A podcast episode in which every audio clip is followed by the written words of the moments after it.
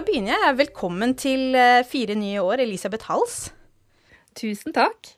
Nå er vi direkte inne fra Oppdal og fått litt tid med, med varaordføreren sjøl. Eh, og det jeg tenkte jeg skulle spørre deg om aller først, er jo hvorfor du ble med i Venstre. Um, det er faktisk et litt sånn sammensatt svar på det. Uh, fordi det er um, Som så mye ellers i livet, så er det ting som henger sammen. For det første så hadde vi en um, figur her i Oppdal Venstre som heter, het Odd Gunnar Gjære Hoel. Han gikk bort dessverre for noen år siden, men han var en sånn uh, En sånn fantastisk fyr. Så ganske tidlig da vi flyttet hit, så tok han kontakt. Eh, og han var såpass modig at han veldig tidlig lurte på om vi var interessert i å være med i Venstre, og, og var litt der. Og det, det, var vi ikke helt mottakelige for akkurat med en gang. Um, men det så jo kanskje et sånn bitte, bitte lite frø ikke sant, som, som, ligger der. Og så spurte han min mann om han kunne være med på en sånn aviskampanje i valgkampen som heter 'Hvorfor stemmer du Venstre?' Og det sa han ja til. Så det var liksom én, og han var jo en han var så flink til å, å, bare tørre å ringe og spørre direkte. Og det er jo veldig sjelden at folk blir sure for det. Og der tror jeg vi har litt å lære, vi som er igjen. Um, så det var nok det første lille frøet. Og så bo, i vår kommune, som er en ganske stor geografisk kommune, så har du på en måte flere kretser. Så vi opplevde jo ganske tidlig etter hvert som vi fikk barn, at um, den skolen og barnehagen som er i vår krets, som er to mil vest for sentrum, den har jo vært nedleggingstruet uh, til stadighet. Og um, da hadde vi jo noen runder først med barnehagen og så med skolen, hvor, hvor det her til slutt ble jo nedlagt, da. Og da fikk jeg liksom et sånn innblikk, for da var vi jo snakket rundt med politikergrupper på gruppemøtene, og vi var rundt og snakket med administrasjon, vi snakka med veldig mye folk, og jeg skjønte at her er det faktisk ganske enkelt, eller ikke enkelt å få gjort noe med det, men det er i hvert fall lettere å sette seg på den andre siden av bordet og prøve å få gjort noe med det, enn å sitte og være misfornøyd på den andre siden. Så med litt sånn kombinert, kombinert innsats, så så neste gang jeg da fikk en telefon, det måtte en telefon til, altså et direkte spørsmål om jeg var villig til å stå på liste, så jeg, tenkte jeg at ja, nå er faktisk tiden inne, og nå har jeg lyst til å bli med. Så jeg er jo veldig fersk. Jeg meldte meg jo inn i Venstre i høsten 2018. Um, ehm, så det første møtet jeg var på i januar 2019, det var jo årsmøtet. og så gikk vi jo nesten rett inn i en vår med valgkamp. Så jeg er jo en skikkelig fersking. Ja, så gikk du rett inn en uh, vår med valgkamp, og så kom valgkampen, og så ble du varaordfører. Hvordan uh, ble det sånn? Ja, nei, det, det Man kan jo si at det også er litt sånn tilfeldig. Jeg tror det handler om Jeg tror det han Odd Gunnar Gjærehol han har lagd, lagd et grunnlag for Venstre i Oppdal som er helt unikt. Eh, vi har jo noen saker som lugger litt sånn nasjonalt, som ikke har like god gjenklang her. Men han har alltid klart å bygge en sånn fin bro eh, mellom våre innbyggere og Venstre. Så jeg tror at vi har flytt litt på det. Og det, han har vært veldig flink til å, å få fram folk. Sånn at da vi gikk i valgkamp, så vi hadde jo ganske mange sterke navn på lista. Um, en god blanding av folk som har vært aktive før, og litt nye. og Ganske variert kompetanse. 50-50 damer og menn. Uh, så vi fikk jo veldig tidlig høre at oi, dere er jo en kjempesterk liste. Og, og, på en sånn liten plass som her, så Det er veldig sånn personavhengig. Uh, kanskje enda mer um, enn på større steder, fordi folk har vet, vet hvem du er. så um, tilfeldighetene ville jo ha det sånn at vi gikk inn i en samarbeidskonstellasjon med Senterpartiet, som fikk ordføreren her, som så mange andre steder, i hvert fall i vårt fylke, og kanskje i hele Norge. Så fikk vi med oss um, KrF og SV og Venstre. Og vi var jo da det tredje største partiet i kommunen. Så det var jo kanskje naturlig at vi skulle få um, varaordførervervet, da. Og um, så tenker jeg at det har, det har noe med å, å stille seg litt sånn åpen og tilgjengelig, og det å faktisk gripe de mulighetene som blir servert. For det er veldig lett å si 'nei, det kan noen andre gjøre'. Mm. Og ja, jeg, jo, jeg var jo usikker. Tenkte at ja, jeg har jo så kort fartstid, og altså, dette kan jeg jo ikke noe om. liksom, Hva skal jeg bidra med? Men så fikk jeg mye oppbacking, annet fra, fra mannen min, og så sier han ja, men Du har jo bodd halve livet i byen, halve livet på bygda.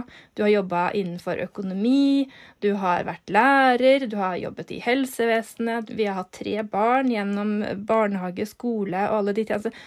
Så han på en måte ga meg litt selvtillit på at jo, jeg har i hvert fall en del erfaring med mange av de tjenesteytingene som er i, i vår kommune. Så jeg tenkte at søren heller, jeg bare blir med. Takke ja til den. Um, jeg er jo vant, Som økonom så har jeg vært vant til at dagene er ganske sånn fast. ikke sant? Du har eh, relativt repeterende oppgaver over et årshjul. Og dette her er jo en helt annen hverdag, det, og det er jo veldig mye hva, hva han gjør det til selv. Så det er jo litt nytt. Og mm, jeg elsker jo, elsker jo det vervet her. det må jeg jo si. Jeg tror du er inne på noe kjempeviktig med det at det er så lett å bli usikker på seg selv når det spørsmålet dukker opp. Og ja, men det er jo mange som har mer erfaring. Og det er som du sier, det å være fersk i politikken er jo også en egenskap som er kjempenyttig. Det å se ting med litt andre øyne enn de som har vært med i alle år. Og vi har alle ulike erfaringer enn de andre som sitter i kommunestyret. Det å være en innbygger på en plass, det gir deg mye erfaring og kunnskap også. Og det å eh, huske på at det er en kjempeverdi, tror jeg er kjempeviktig for alle som, som vurderer å bli folkevalgt, eller plutselig får spørsmålet dumpende ned over hodet. Ja, det kan jo komme litt sånn boost på at man liksom Hæ, jeg? Men ja, du. Mm. Noen har sett noe i deg som, som, de har lyst til å heie fram, og det tenker jeg at er egentlig en gave. Og kanskje man da skal tenke at ja, vet du hva, dette skal jeg jammen meg prøve. Mm. Men åssen har det vært for deg nå det, det året som du har vært i det vervet? Åssen har det vært å finne den plassen? For det er jo, du er ikke ordfører, du er venstrepolitiker samtidig som du er varaordfører for alle. Hvordan har det vært å finne din plass oppi det hele? Ja, det, det har jeg jo tenkt ganske mye på. Eh, og det har jeg jo også hatt en del samtaler med han som ble ordfører hos oss om. Han er jo fra Senterpartiet. Um, og, og, han gjorde en ganske symbolsk ting som jeg tenker er ganske fin, da vi hadde det første konstituerende kommunestyremøtet. Da tok han altså den Du vet at de har sånne partinål, sånn pins, vet du. Så tok han altså den fra jakke, jakkeslaget, så sa han at jeg er en ordfører fra Senterpartiet, men for alle. Og det er litt sånn som vi, både han og jeg, vi tenker at vi, vi representerer jo et parti, men i det daglige så er vi i det vervet for, på vegne av hele kommunestyret, alle partiene. Uh, og det Nå har jo ikke jeg prøvd å være politiker i kommunestyret uten å ha dette vervet. Så det er nok kanskje litt sånn forskjell, men jeg, jeg vet jo ikke om det. Um, men bare det at vi kunne snakke om det på forhånd og, og på en måte finne litt den derre eh, sjargongen med hvordan vi skal gjøre ting. Og jeg tror nok at jeg har vært ganske heldig, for uh, han som er ordfører hos oss, han, han sier at vi er et ordførerteam. Ja, jeg er ordfører, du er varaordfører, men vi jobber sammen. Og vi utfyller hverandre så godt vi kan. Og han er han er ikke en som trenger å markere seg så voldsomt, så han syns det er like stas å gi meg ganske mange spennende oppdrag som han tar selv. Sånn at eh, Jeg tror nok at jeg også har vært veldig heldig med samarbeidspartneren i det henseende, da. Når skal du på en måte sette venstrestempelet på politikken og ikke? Det har vi på en måte gjort litt i den plattformen. Den som vi, vi har jo på en måte laget en sånn politisk plattform med noen sånne ankepunkter som vi har vært enige om at det er ting som vi vil jobbe med. Men Um, da må han jo på en måte heller spille ut sin rolle, for jeg sitter jo og vet ganske mange ting hva, hva, som foregår, og så heller spille ut det i gruppemøtene. Og så få de andre Nå er vi heldige at vi sitter faktisk tre stykker i kommunestyret. Og få de andre til å på en måte fronte de rene liksom, venstresakene, da. Sånn at man kan være litt mer sånn uh, backoffice på godt norsk. Uh, at man kan på en måte være med å fòre dem med, med det de trenger for å, for å fremme det. Mm. Men hvilke saker er det som var viktig for deg og for Venstre når dere gikk inn i det samarbeidet og få gjennomført? Vi var jo litt, I og med at vi skulle samarbeide med, med Senterpartiet, så var vi jo litt uh, ivrige på å få til noe, et grønt skille også her i, i kommunen.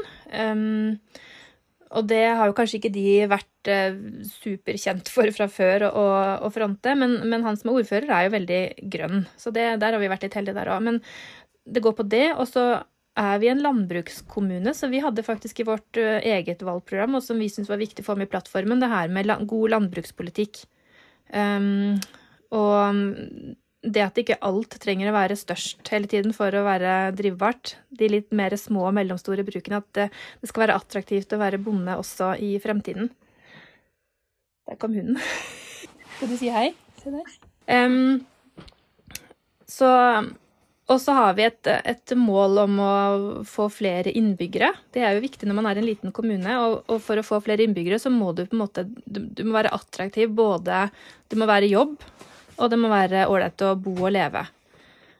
Så det har på en måte vært um, eh, Folkehelse er jo en annen ting. Um, det må til, tilgjengeliggjøre for gåing og sykling, at ikke alle trenger å kjøre helt fram til butikkdøra. Sykle godt til jobb, barnehage. Um, og legge til rette for myke trafikanter. Sånne type ting har vi profilert oss en del på i, i Venstre her i Oppdal. Så når du og ordføreren da eh, etter, etter valget ble dette ordførerteamet, hvordan er det dere har eh, kommunisert med innbyggerne deres etter det? Hva var det dere ville gjøre når dere gikk til verks? Ja. Det første vi ville gjøre, var å gjøre oss mer synlige og tilgjengelige. Så um, det fins jo mange måter å gjøre det på, men, men, eh, vi bestemte oss ganske fort for at vi hadde lyst til å uh, lage noen sånne videosnutter hver uke som oppsummerer det vi har holdt på med den siste uka. Både for å, å vise litt uh, hva vi holder på Hva gjør egentlig en ordfører hver dag bak det store skrivebordet? Um, så det å sette litt lys på og bare vise oss fram og si at um, nå i denne uken så har vi hatt formannskapsmøte, vi har hatt kommunestyremøte, vi har behandlet de og de sakene. Eh, ellers ting som har skjedd i bygda. Um, og så er det noe med at da um, Vi kontrollerer jo ikke hva avisene skriver. De kan jo vinkle sakene akkurat sånn som de vil, men dette er jo en plattform som vi har kontroll på. Vi kan si og komme ut med denne informasjonen på den måten som vi ønsker å bringe det frem. Og um, det andre vi gjorde, var også å flytte fysisk. Vi hadde kontorer oppe i andre etasje sammen med administrasjonen, langt inn i, rådhuset. Litt sånn vanskelig og høy terskel for å komme dit. Vi flyttet ned i første etasje eh, og gjorde oss litt mer sånn fysisk tilgjengelig, sånn at det var mer som å bare stikke innom. Og med oppfordring om det. Og det har vi sagt i videoen. Så det um, det tror jeg har fungert eh, veldig godt. Vi har jo fått tilbakemelding på at det er veldig mange som ser på disse videoene, og som kommenterer innholdet i det. Og ikke bare de som bor her i bygda, men andre utenfor også som har fått med seg det her. Så det er eh, litt artig. Og så er det jo litt sånn at nå har det jo vært litt annerledes tider, og forrige uke så hadde jo ordføreren litt Han var litt forkjølet, så vi kunne jo ikke møtes fysisk. Vi sier jo at andre skal jo ikke møte på jobb. Så da måtte vi rett og slett ta en sånn digital variant hvor han var på en dataskjerm, og så satt jeg ved siden av skjermen. så vi viser at vi får det til, for det er jo noe med at når vi først har startet, så må du på en måte orke å fullføre òg. Men vi syns det er gøy med den eh, statusoppdateringen, da. Og så er det litt sånn at av og til Vi kommer jo fra to forskjellige partier, så det hender jo, det er jo ikke så ofte, men av og til så står kanskje vi på hver vår side i en politisk sak òg. Eh, vi har en litt sånn kranglete sak her om ei skiløype som har blitt um, kanskje nasjonalt kjent. Og der står vi på hver vår side. Og det var et ganske heftig kommunestyremøte da vi hadde den saken oppe. Eh, men det å da kunne samles etterpå og ta en video og si ho, det var det møtet, liksom. Ja, vi sto jo på hver vår side i den saken, men nå er vi like gode venner. Bare det å vise det også utad eh, er et budskap som vi har villet ha. Mm. Ja, og det gir jo en veldig unik mulighet til også forklare standpunktene litt ryddigere enn det det kanskje virker som når man sitter og hører på et kommunestyre, og det er steile fronter, og det å faktisk roe ned litt og si ja, vi sto på hver vår side, og dere mener det, og vi mener det, og men, men, vi skal jo samarbeide om dette, for det er jo det det i bunn og grunn handler om. Ja, ikke sant? Og det å komme fram til kompromisser og løsninger som er levelige. Mm. Eller det at OK, nå bestemte kommunestyret det. Sånn er det. Nå går vi videre. Ja, rett og slett. Men hvordan har responsen fra publikum vært på at dere flytta ned? Har dere merka at uh, folk har lavere terskel for å svinge innom dere? Absolutt. Er, hver uke så er det folk som uh, kommer innom, om det bare er en liten kakk på døra og hei, hei, eller om de kommer med saker som de ønsker tatt opp. Og da blir de alltid Altså er vi opptatt, så er vi opptatt, men, men er det ledig, så får de en prat. Eller si 'kom tilbake klokka ett', eller ja. Mm. Så det, det, har vært veldig godt, godt mottatt. Og så er vi av og til bare ute og tusler litt. Uh, rusler rundt i sentrum, kanskje vi går og kjøper oss en kaffekopp, prater litt mens vi er ute og går, hilser på folk. Um, og når vi tar opp video nå, så har vi jo nå har vi veldig lenge vært bare inne på kontoret pga. at det har vært covid-19-situasjon. Men vi prøver også å reise litt rundt i kretsene og se ok, i dag er vi på Lønset, i dag er vi på Midtbygda, neste gang skal vi til Drivdalen. Prøve å på en måte vise fram helheten, da. Men det er jo litt sånn for oss som, som, følger deg, og som ikke bor i Oppdal, så er jo det en liten sånn sightseeing-runde. Det er jo i, i, Oppdal hver uke når vi ser disse videoene, og plutselig er det her, og plutselig er det der. Ja, så bra. Velkommen til Oppdal. Men hva er det som har overraska deg mest med det å være folkevalgt for Venstre det året du har vært det? Um, ja, det har jeg tenkt litt på. Um, jeg vet ikke om det er så mye som er Jeg hadde kanskje ikke så mye forventninger til hva det skulle være på forhånd. Så jeg har kanskje ikke fått sånne store overraskelser. Det er kanskje liksom hvordan ting bare går seg til. Og, og mm, jeg har jo da et, et, liksom først nå blitt kjent med mye venstrefolk, og utrolig mye bra og ressurssterke folk som er rundt der. Både lokallag og også i, i fylket, som jeg har fått blitt litt kjent med. Så um, jeg kan liksom ikke si at det er noe sånn helt konkret at 'å, det var sjokkerende'.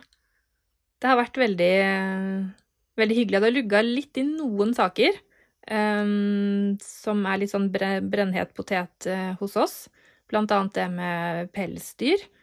Uh, vi hadde jo um, ca. 50 årsverk innenfor pelsdyrnæring uh, da vedtaket kom om at den næringen skulle legges ned. Da er kanskje ikke den dagen du tar på deg venstre T-skjorta og sprader rundt. Um,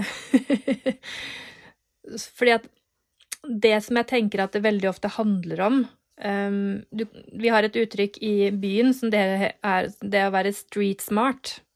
Og det er kanskje liksom å liksom finne, finne, sin vei frem, smette seg forbi og gjennom og liksom finne sin sti.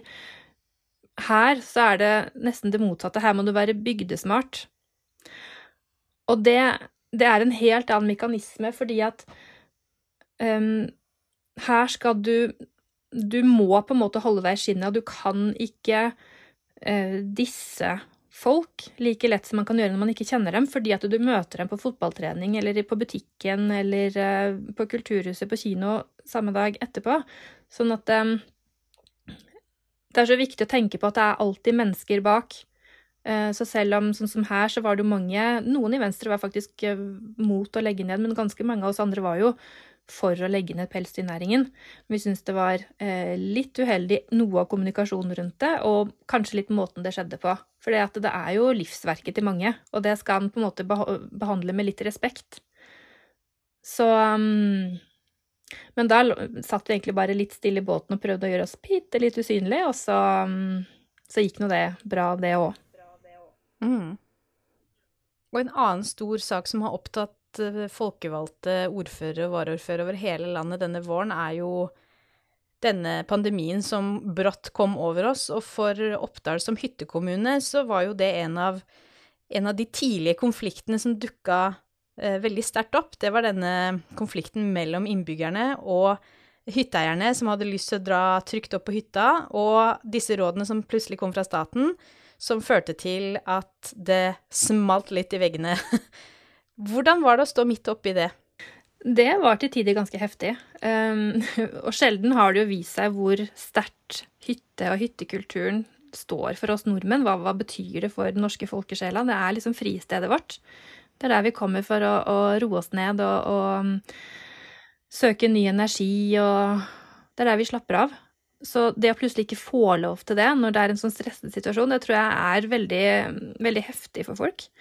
Men sånn som Eh, sånn som for en, en, kommune som oss, så er jo vi i en normalsituasjon så er jo vi dimensjonert for å ta unna det som måtte oppstå når vi plutselig dobler og tredobler innbyggertallet vårt. Men når vi har en pandemi på toppen, så har ikke vi anledning til at én av to ambulanser plutselig er infisert av eh, covid-19 og, og, er utsatt ut av spill. Og, mm, for det var jo mange som ble litt sånn irritert, da, Eh, på at mm, Er dere ikke godt nok rusta, ikke sant? Jo, i en normal situasjon er vi det, men i, under en pandemi så er det ingen som egentlig er godt nok rusta. Så det var en liten sånn støkk, og, og vi fikk jo på en måte den derre pandemien kasta over oss litt før de nasjonale føringene, for her ble jo alt um, snudd på hodet eh, den helgen før, for da hadde vi et bryllup med gjester fra Italia. Og mens de var her, så ble den sonen i Italia som de var fra, plutselig rød sone. Så midt under bryllupsfesten så finner vi ut at fader, det betyr jo at hele det bryllupet må i karantene. Ja. Ikke sant? Shit, hva gjør vi nå?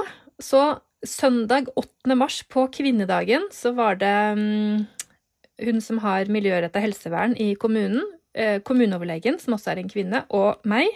Vi stilte opp klokka ni utenfor det bryllupslokalet, utendørs, og måtte bare informere om at dere er alle i karantene.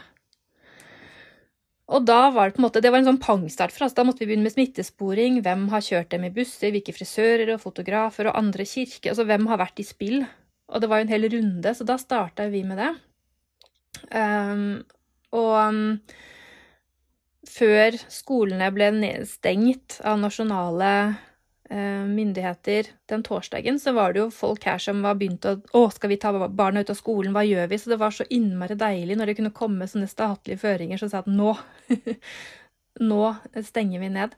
Men det gjaldt jo også da, for da begynte vi ganske fort å tenke at OK, nå er det sikkert veldig mange som ønsker å tilbringe tid og karantenetid på hytta. Så vi var jo også ut før hytteforbudet og sa til våre hytteinnbyggere, eller fritidsinnbyggere, at vi ønsker ikke at dere kommer på hytta. Og det er, ikke, det er ikke alle som liker å få den beskjeden.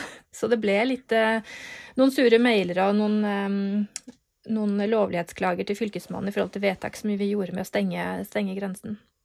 Men du ble jo da på en måte litt også ansiktet utad, slik jeg har forstått, for å, for å nettopp si det, det at uh, vi vil veldig gjerne at dere kommer tilbake, men ikke akkurat nå.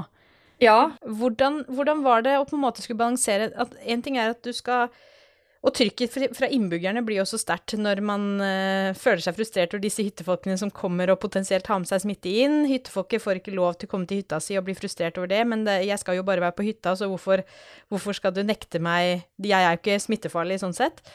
Og så skal du stå der og si dere kan ikke komme, men vi vil jo veldig gjerne ha dere tilbake snart. For det er jo en utrolig viktig del av både kulturen, men også av eh, inntektene til, til Oppdal kommune. Ja visst da, for du vet jo det at så lenge hytteinnbyggerne eller fritidsinnbyggerne ikke kan komme, så er jo det en kjempeomsetningssvikt for næringslivet her, som lever godt av dem. Og det, det er jo grunnen til at vi har det næringslivet vi har. Så de blør jo fra første dag hvor de ikke får, får komme. Så det er klart det er en kjempevanskelig tematikk å stå i. Men krisestaben hadde jo på en måte bestemt at nå er det liv og helse først, og så får det andre komme etterpå. Og dette var jo litt sånn bruduljer, og, og um, når vi fikk sure mailer og sure henvendelser, så prøvde vi bare å, å svare det med forståelse og si at jeg forstår at dette er frustrerende, men sånn er det bare, det er det vi har bestemt. Og, og, jeg fikk jo være med på Dagsnytt 18 da, for der var det jo um, tatt opp den samme tematikken i forhold til det her med, med hyttegreiene. Så det er jo den der konflikten mellom eh, at um, innbyggerne føler seg trua, på en måte, da, ikke sant? Trua for at her kommer det smitte fra steder som har mye høyere smitte. For vi hadde jo bare det, den gjengen fra bryllupet. Det var åtte stykker faktisk der som viste seg å, å, å ha det etter hvert. Så det er klart, man føler jo da på at her kommer det liksom sånne fra større steder med, med mer smitte kommer til oss. Så, så, du føler jo selv at du blir liksom innskrenka av det. Samtidig som du forstår jo behovet til de som hadde lyst til å komme på hytta si, og som ville tilbringe tid der. Så det var veldig bra at det varte til over påske, for det tok liksom litt den der nurven av det. Men men så fikk de komme tilbake etter det, og det, da, det var jo noen som ble sure og sa at nei, de vil jo aldri komme tilbake. Men um, det er nok kanskje litt sånn i affekt der og da, så jeg tror vi bare må, må se stort på det. For hvordan er tonen mellom hyttefolket og innbyggerne i, i, dag? Det virker som det er kjempebra. og jeg tror at Sånn som, sånn som sommeren ble òg, med at, um, at ikke man kunne reise utenlands, så tror jeg veldig mange har tilbrakt uh, lengre tid på hytta enn det de kanskje vanligvis gjør. Um, her, her, kan man jo leve nesten som normalt uansett, for vi har jo så spredt boligbygging, og, og, du trenger jo ikke å vase nede i sentrum. Sånn at um, stemningen virker som å være god. Jeg tror ikke det er noe som er tatt tatt varig skade. Jeg tror at når, når sinnet har lagt seg og frustrasjonen på en måte er over, så tror jeg de fleste har forståelse også for den litt upopulære avgjørelsen som vi måtte stå i, da. Mm. Hvilke store saker og utfordringer er det dere står eh, overfor nå denne høsten her? Nei, den berømte skiløypa vår den skal jo nå gå en runde i retten i slutten av denne måneden, så det blir jo en litt sånn het potet. Um, ellers så er det jo handlingsplan, da, uh, som skal behandles, og budsjett. Nå er det litt utsatt for vår del, fordi vi skulle egentlig ha det før sommeren, og det er klart at det, alle signaler går jo på det at kommuneøkonomien blir strammere i årene fremover, at vi er nødt til å liksom begynne å skjerpe oss deretter. Så utfordringen der, tenker jeg, blir også man må liksom alltid prøve å se på OK, vi har en situasjon, og nå blir det verre. Hva gjør vi med det? Skal vi bare tenke at søren, det var dumt, eller skal vi tenke at ok, dette gir oss et lite mulighetsrom til at nå blir vi tvunget til å tenke annerledes? Og det er litt den retningen vi nå prøver også å dra. At nå har vi faktisk et, et vindu til å eh, kanskje litt fortere få de endringene som vi ønsker å få på plass. Vi har jo lyst til å bli en mer innovativ kommune. Vi har nettopp tegnet en, et, um, en avtale med NTNU om å bli universitetskommune. Og det å gripe de mulighetene som ligger liksom rett foran, eh, det må vi spille på. Mm. Hvis du skulle gi ett råd til noen som stiller til valg for Venstre for aller første gang, hva er det det skulle vært? Det er uh, våg og tør, våg og tør, våg å si ja. Bli med, det kan bli det morsomste du har gjort. Um, og ikke, ikke, tenk så mye på um, at ikke du er en komplett politiker fra A til Å. Um, du er en, et kjempeverdifullt tilskudd til alle de andre uansett, for du sitter jo med et, sett eh, du har levd, og du sitter med et sett erfaringer som, som andre kan ha nytte av. Så hvis noen spør deg, så er det en grunn til det. Våg å si ja. Det er jo et veldig godt råd. Tusen takk for at du tok deg tid til å prate litt. Tusen takk for meg. Det var hyggelig.